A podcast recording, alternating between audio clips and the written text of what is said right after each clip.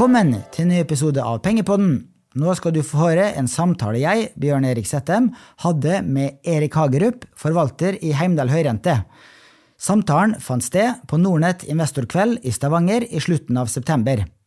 Temaet er investering i high yield-rentefond, forventa avkastning, risikofaktura med mer.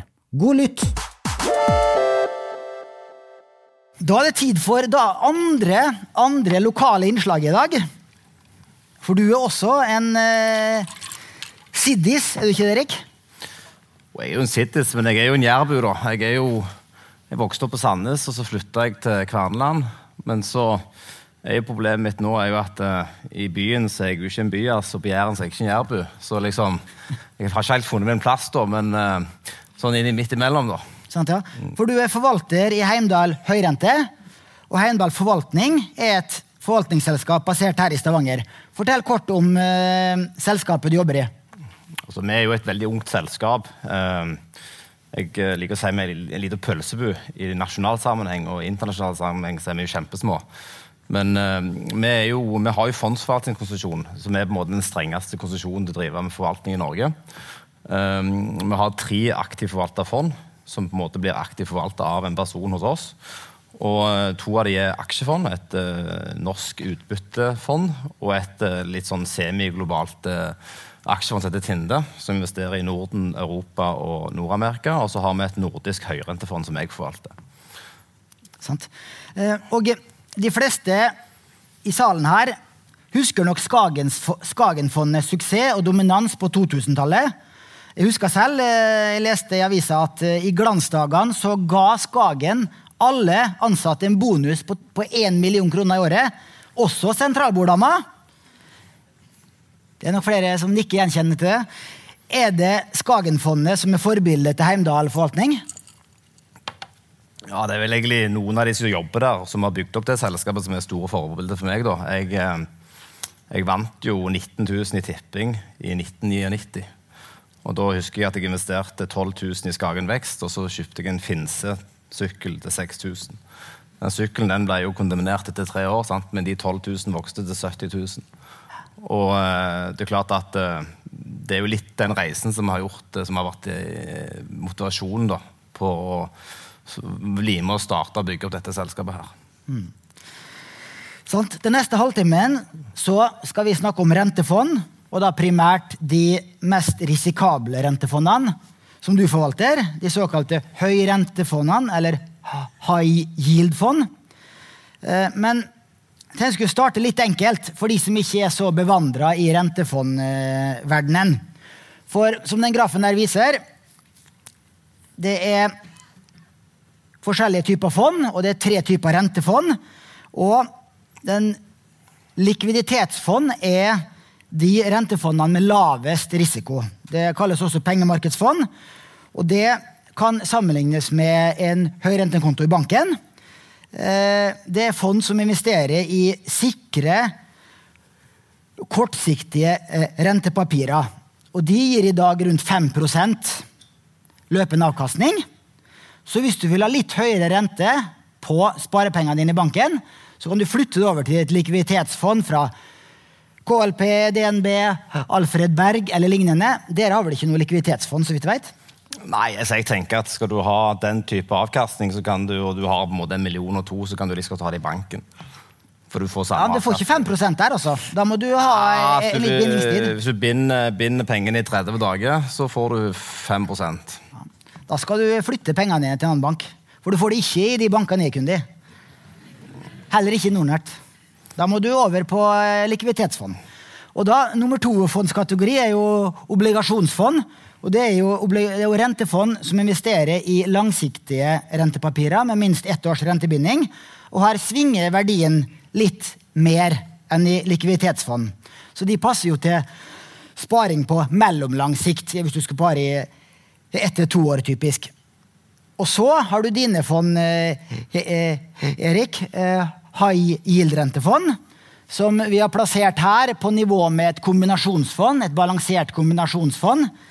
Eh, her er eh, pengene investert i eh, mer risikable lån som gir høyere risiko og høyere forventa avkastning enn et obligasjonsfond, men ikke så høy risiko som et aksjefond. Du er enig i den oppsummeringen her? Ja, jeg er enig i det. Bra. Check. og fondet ditt, eh, Heimdal høyrente, har jo faktisk nå blitt det største rentefondet på Nordnett-plattformen. Hele 1 milliard kroner har eh, våre kunder nå plassert i fondet du forvalter. Og total forvaltningskapital i fondet ditt er jo 3 milliarder, så da Nordnett-kundene står jo for rundt en tredel. Så det er jo en tillitserklæring. Du er fortsatt et stykke igjen opp til eh, DNB og Alfred Berg sine high yield-fond. De er vel på, på 10 milliarder, røftlig. Men eh, tynger ansvaret? Du forvalter 3 milliarder kroner, Erik. Ja, det er klart at når jeg eh, begynte med dette, så begynte jeg med 200 millioner. Og da var det ansvaret like tungt, tungt å bære på 200 millioner som det er på 3,2 milliarder. Og det som jeg tenker mest på, det er jo at om jeg forvalter penger 100 000 for en person, eller om det er 10 millioner, så er det på en måte den, De 100 000 er jo like viktige for den personen med de pengene som han med 2 millioner. Så det er klart at det, jeg eh, kjenner jo på det ansvaret, og jeg, eh, jeg hater jo å tape penger. Så jeg på en måte eh, Ja, vi kjenner på det. Altså, det er jo jobben vår å, å kjenne på at vi har et stort ansvar å passe på pengene til folk. Men du har jobba i ulike stillinger i rentemarkedet i mange år. Fortell kort. Ja, altså jeg har med jeg har jo faktisk vært med på noen av de største krisene i nyere tid. Sant? Jeg har vært med på finanskrisen, jeg jobba i Pareto Securities, og jeg tror 90% av de rentepapirene som ble satt i den tida der, gikk jo i en eller annen form for konkurs. Mye olje offshore. Eh, så var jeg jo med og opplevde bankkrisen, sant? hvor eh, bankene holdt på å gå over ende i eh, Og så kom jo korona, som var på en måte en ny opplevelse sant? hvor bare markedet tørka helt inn på to dager.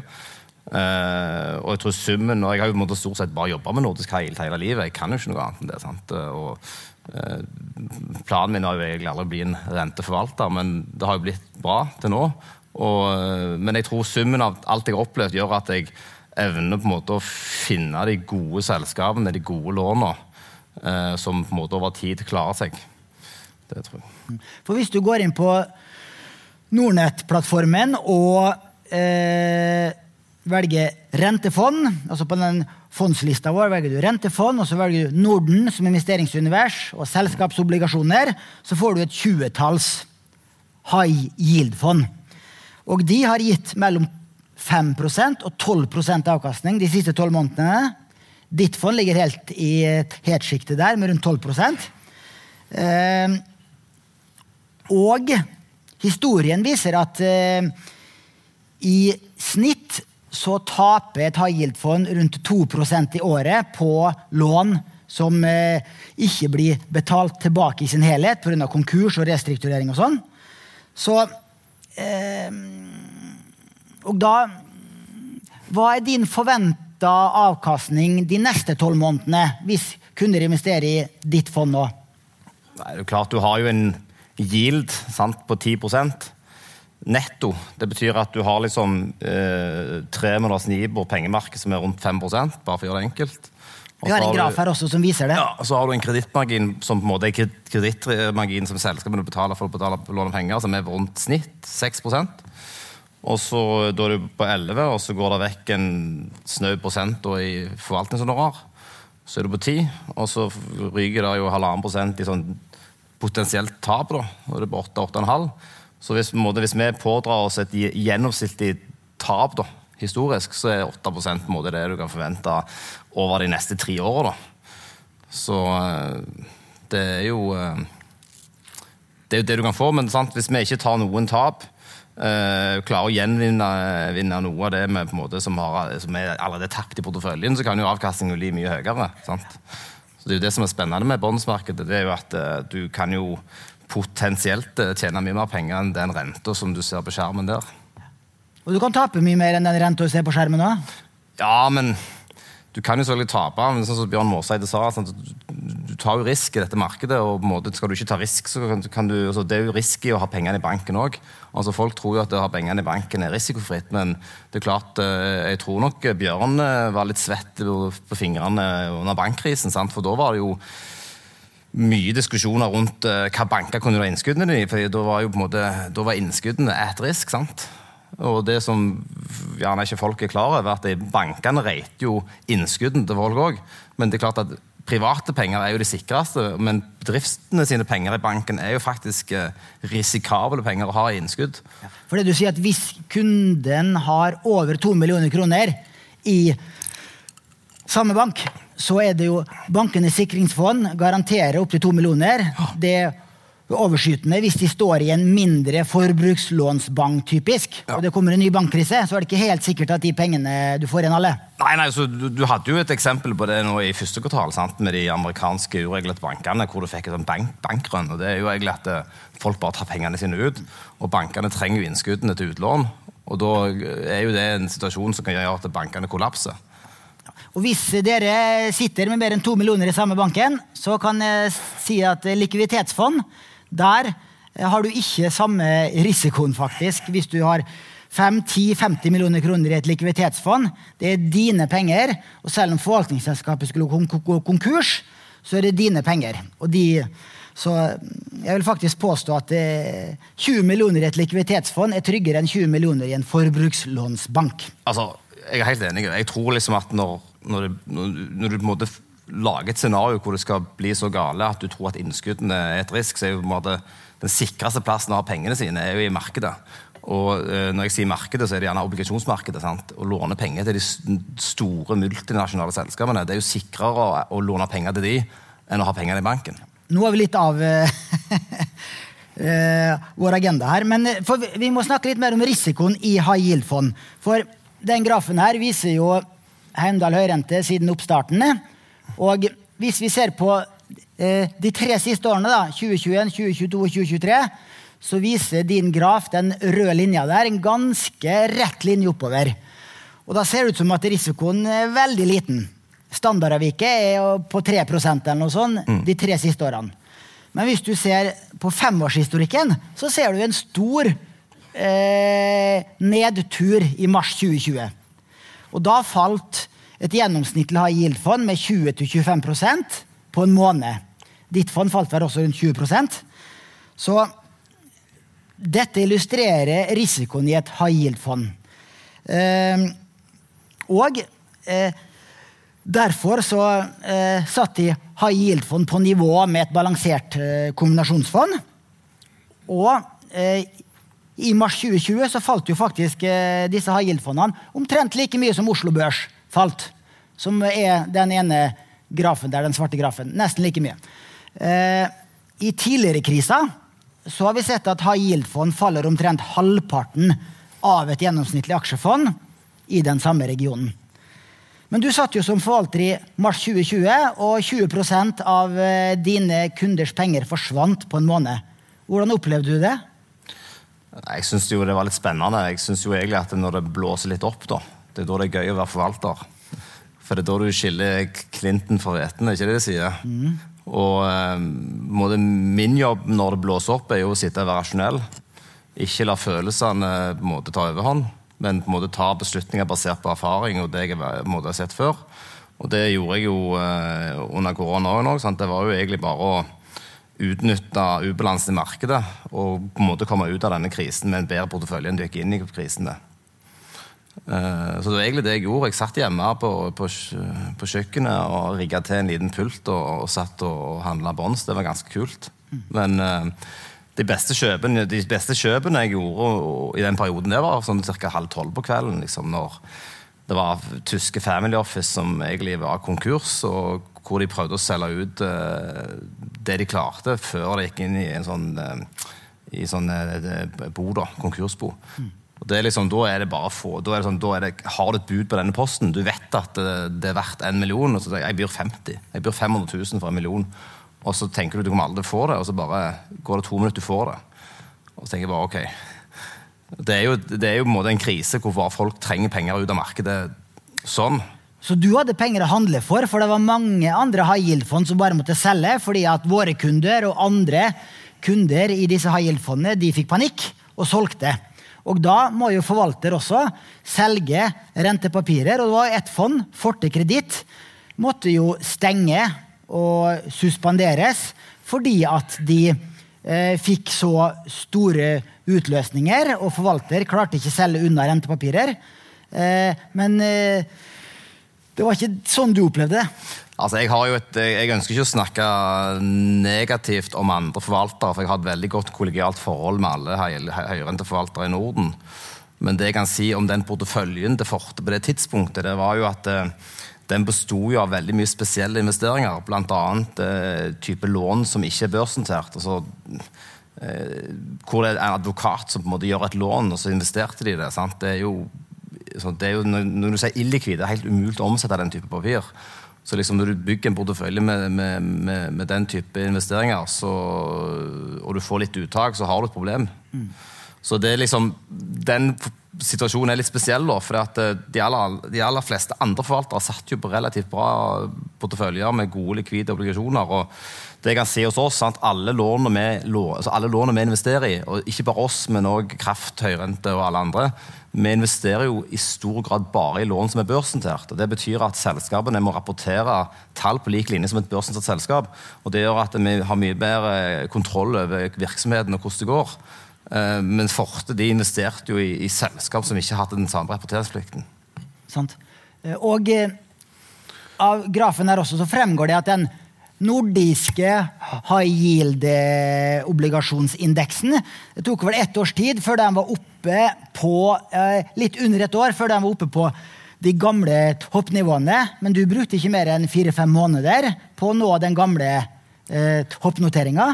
Ja, det, det som var litt kult, vet du, Vi som bor i Stavanger, sant? Vi er jo, alle her kjenner jo olje. Sant? Vi har jo investert i med en del oljeselskap. Og det som skjedde var jo at når den oljepakken kom, det var jo en gavepakke til alle som skulle utvikle nye oljefelt, så ble jeg oppringt av kompiser som sa at nå, nå, tar vi ut felt fra skuffen som aldri hadde utvikla som ikke var for denne skattepakken. Og da, da, vet du jo at Aker Solution kommer til å få så mye jobb at det kommer til å sprenge kapasiteten. Eh, og Det var jo egentlig på det tidspunktet du ser den der eh, første humpen der etter, på den der røde linja. Så Da solgte jeg jo industriobligasjoner som Stolt-Nielsen, Aker, Bonheur. Sant? Og så kjørte jeg det inn i Oljeservice, som egentlig er sånn høy, høy, altså høy kredittverdige selskap. Men de hang litt etter. Og så gikk det av to uker, sant? og da gikk jo det Aker Solutions lån gikk jo fra 70 til 100 på to uker. For da, Det tok jo to uker da, før alle fikk med seg at den skattepakken slo på såpass positivt på, på, på, på ordrebackloggen til, til Aker Solution og andre oljeserviceselskap. Mm. Um, I den perioden her, så på kundesenteret til Nordnett så fikk vi en del telefoner fra bekymra kunder. Selvfølgelig mest aksjefondskunder, men også en del high yield-fondkunder som ikke var klar over at fallhøyden og risikoen var så stor. For da hadde vi også hatt flere år. det var en Forrige kraftig nedtur var i 2015 for high yield-markedet. Eh, og Da hadde det gått fem år, og de fleste som hadde kommet inn i de fondene, hadde ikke opplevd noen nedtur. Og så hva? Kan fondet, rentefond falle med 20 Det var jeg ikke klar over. Fikk dere også noen slike telefoner? Ja, men jeg har jo, jeg har jo vært med på finanskrisen, sant? så jeg vet jo at uh, volatiliteten til Heil er høy, og at du må, på, du må kunne på, pådra deg altså, svingninger på 10-20 og jeg fikk jo litt pes fra den ene eieren at jeg var så hard med kundene i forhold til å selge inn at det var høy risiko. Men det som var fine med det, var jo at når, når det fallet kom på 20% Før det fallet så var jo forventa avkastning på høyrentefond rundt 5 og når, når fondet fant, falt 20% så jo, ringte det en kunde som sa men er det sånn at jeg må vente fire år til jeg er i null igjen. Så jeg nei, for når det fallet har gjort at den forventa avkastning går opp, så når du var ned 20% så var jo yielden i fondet gått fra 5 til 17% Så jeg sa ca. ett år. Altså, hvis, du, hvis, du, tror på markedet, så går det ca. 14 måneder til du er i null igjen. Ok, sa han. Så la han på, så kjøpte han litt mer. Og så gikk det jo ikke mer enn et par måneder. For det, det, som skjedde, var jo at land ble, verden stengte ned. Jeg tror, Husker dere På mandags morgen så åpna DNB Bank ned 30 på åpning. Mm.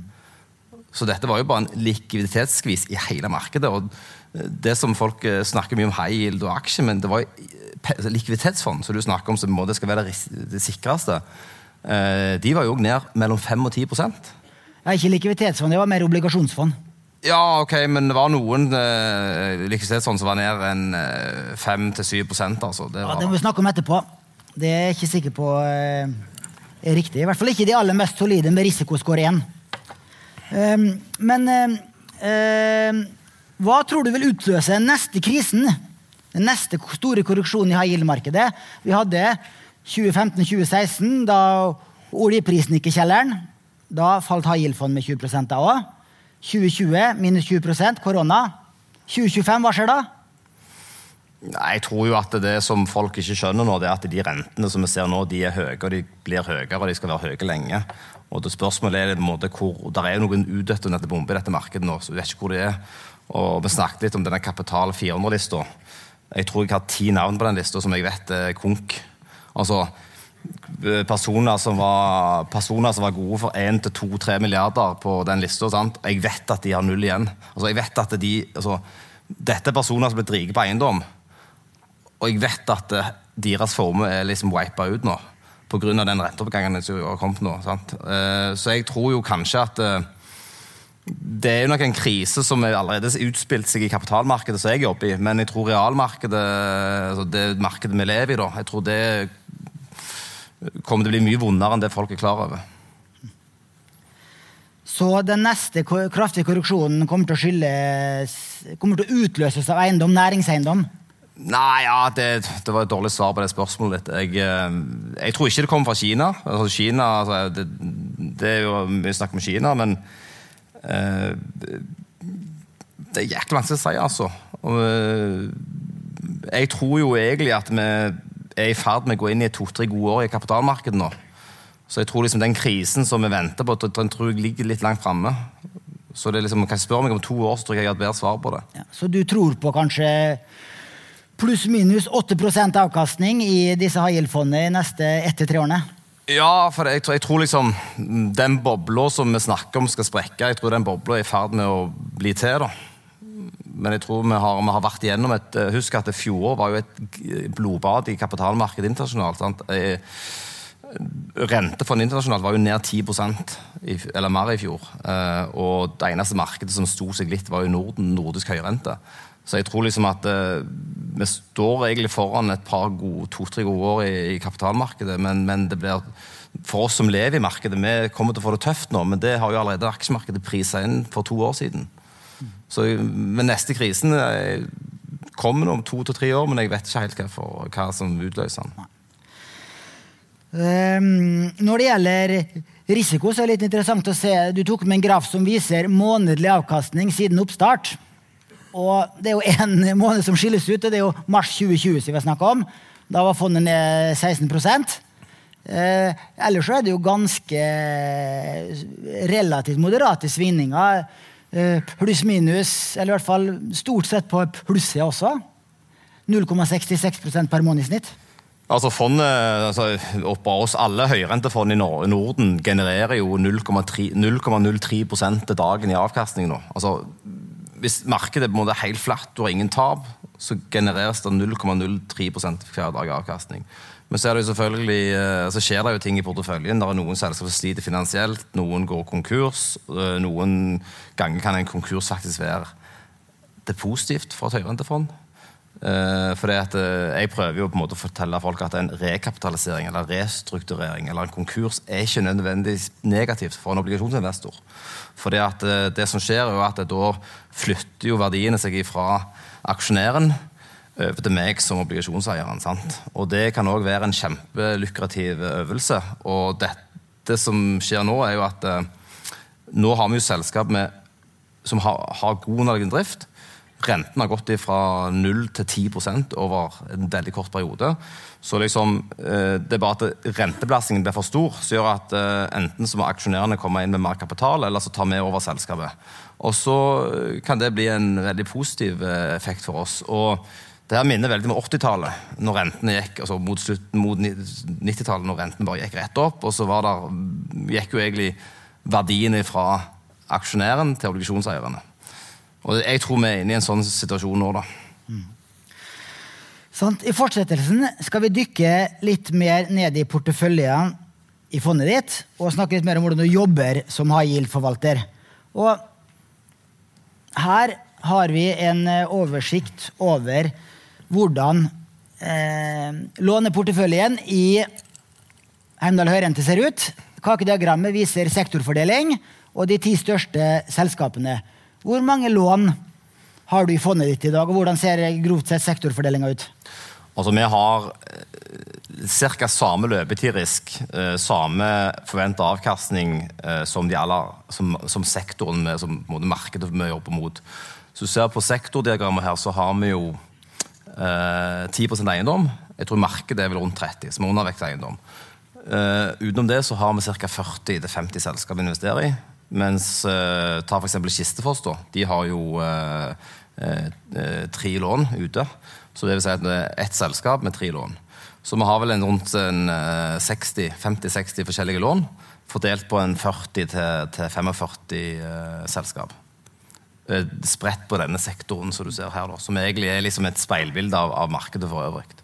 Og du sier jo, siden du også er fra Stavanger og kjenner den bransjen godt, så har du ganske betydelig eh, sektor Har du overvekt i olje og oljeservice, eller har du nøytralvekt der? Nok marginalt overvekt, men eh, det er ikke sånn at jeg eh, føler at jeg tar mye mer risk enn andre. Pluss at det som er fint med oljeservice, er jo for første så er jeg veldig glad for at det endelig er fart på, på den sektoren igjen. Fordi at I Stavanger så har du gått rundt og vært litt flau over at du er fra Stavanger og jobber i olja. Fordi at Vi skulle måte avskaffe den i 2030. Uh, eh, det er jeg glad for vi ikke gjør nå. I tillegg så har det vært en sektor som har vært vant med høy rente siden oljekrisen i 2013. Og fortsatt betaler høy rente. Så de har på en måte hatt kapitalsplinn i mange år. Og nå spruter den sektoren penger og har en god rentebetjeningsevne. Derfor liker jeg den sektoren. Jeg liker en sektor som har vært eh, tvunget til å kjøre hard, knallhard kostnadsdisiplin over ti år. Og Derfor syns jeg det er fint å ha litt overvekt i den sektoren. Mm. Eh, fondet ditt har fem av fem stjerner i Morningstar. Det betyr at det er blant de 10% beste fondene målt på risikojustert avkastning innenfor den high yield-kategorien. Eh, og eh, fondet ligger i avkastningstoppen siste, siste, året, siste tre og siste fem år. Men betyr det rett og slett at du har tatt høyere risiko og har mer konsentrert portefølje og kjøper lån som gir en høyere rente enn konkurrentene dine? Jeg eh, svarer på det nei, da.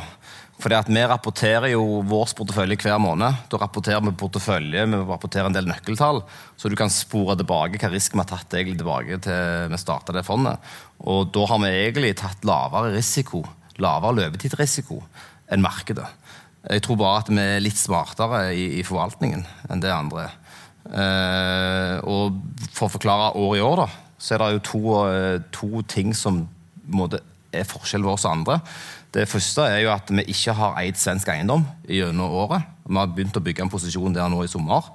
Eh, det har jo dratt ned avkastningen til veldig mange forvaltere i Norden. Nummer to så var det jo et, eh, en periode nå i, i første hvor det var veldig panisk stemning rundt eh, banklån, bank, bankene sine lån. Og da, da falt verdien på disse lånene veldig mye. Da valgte jeg ikke å tre inn i den sektoren.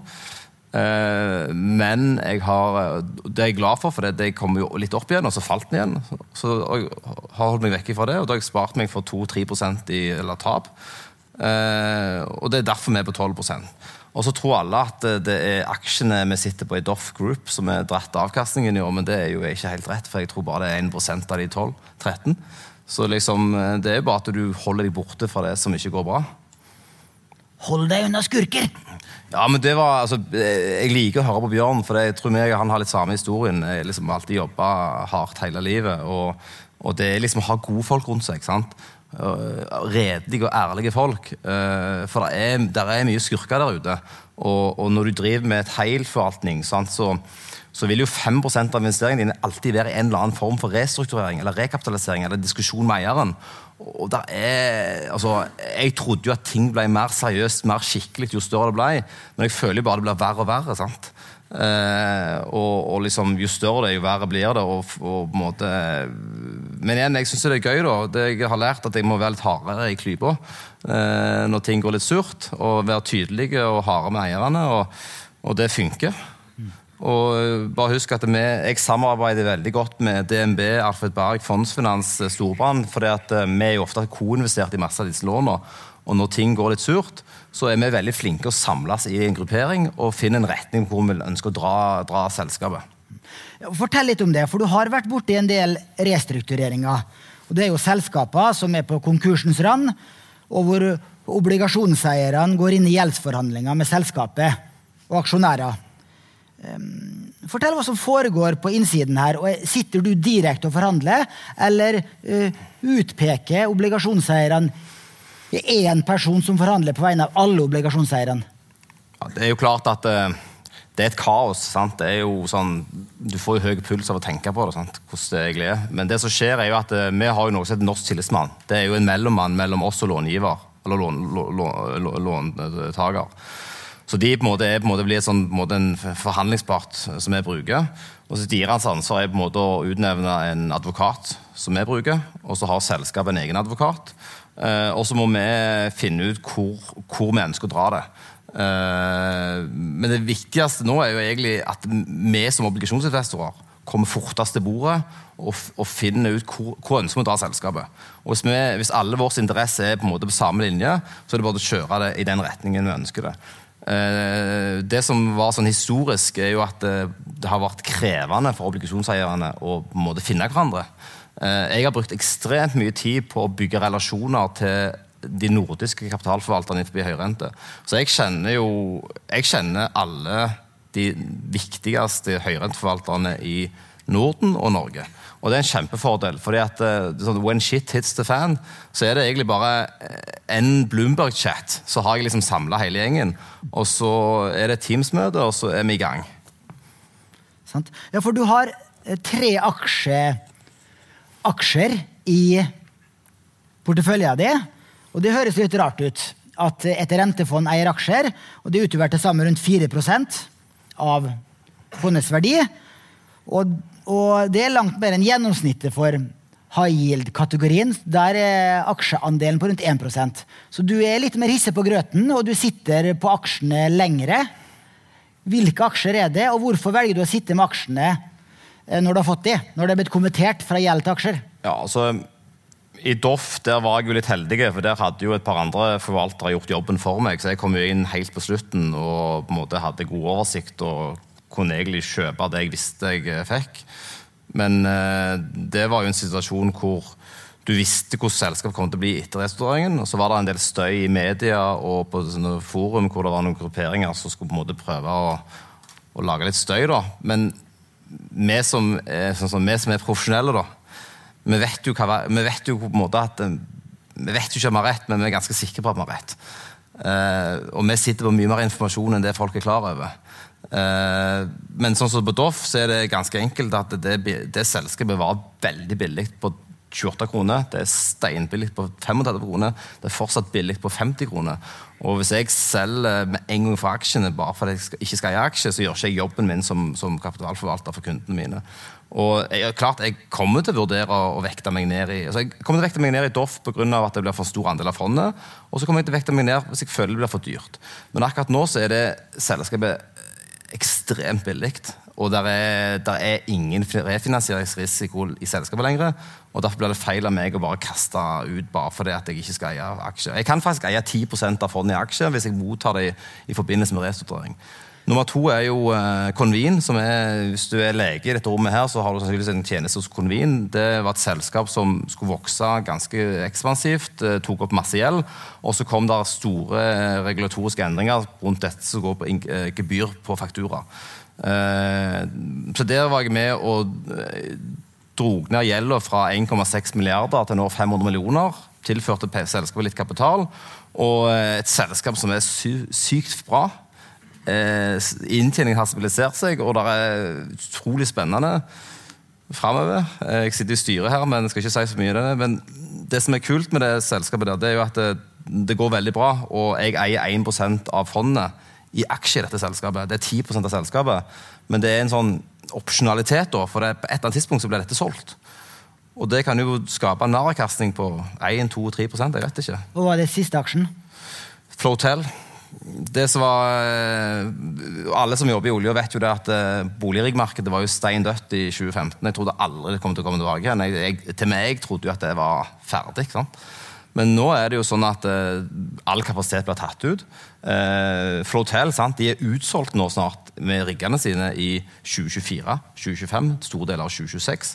Og det som er kult, at jeg har kjøpt gjeld der nå, som egentlig er ganske bra dekka, til nesten 20% rente. Så det, det, er jo et uh, sinnssykt bra case i porteføljen, uh, som jeg tror kommer til å bidra til en betydelig meravkastning for våre andelseiere de neste par årene. Men bare for å nevne det da, hvis du går i markedet og prøver å kjøpe den posisjonen vi har i Flotel, så får du ikke tak i de båndsa.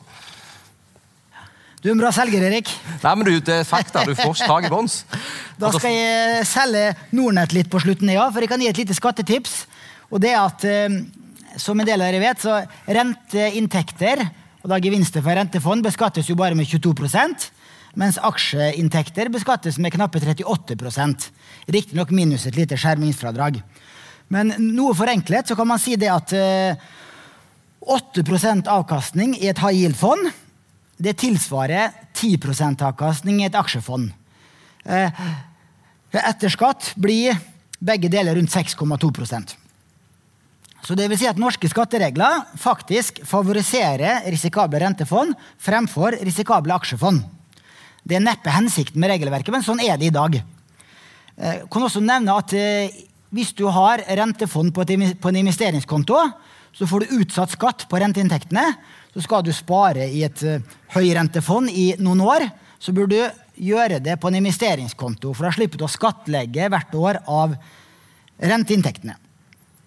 Eh, og hvis du har en IPS-konto, pensjonssparingskonto eller en egen pensjonskonto, så er det jo andre skattesatser på de, og de skattesatsene er uavhengig av om du har rentefond eller aksjefond i disse, den pensjonssparinga. Så der bør du egentlig ha 100% aksjefond.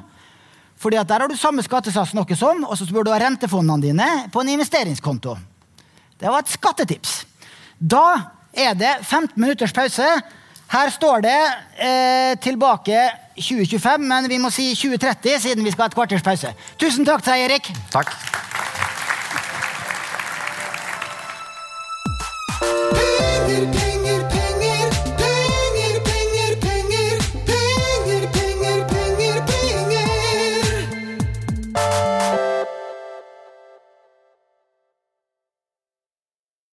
Denne podkasten skal anses som markedsføringsmateriell, og innholdet må ikke oppfattes som en investeringsanbefaling. Podkasten er kun ment til inspirasjon og informasjonsformål. Nornett tar ikke ansvar for eventuelle tap som måtte oppstå ved bruk av informasjonen i denne podkasten. Les mer på disklemersiden på nordnett.no.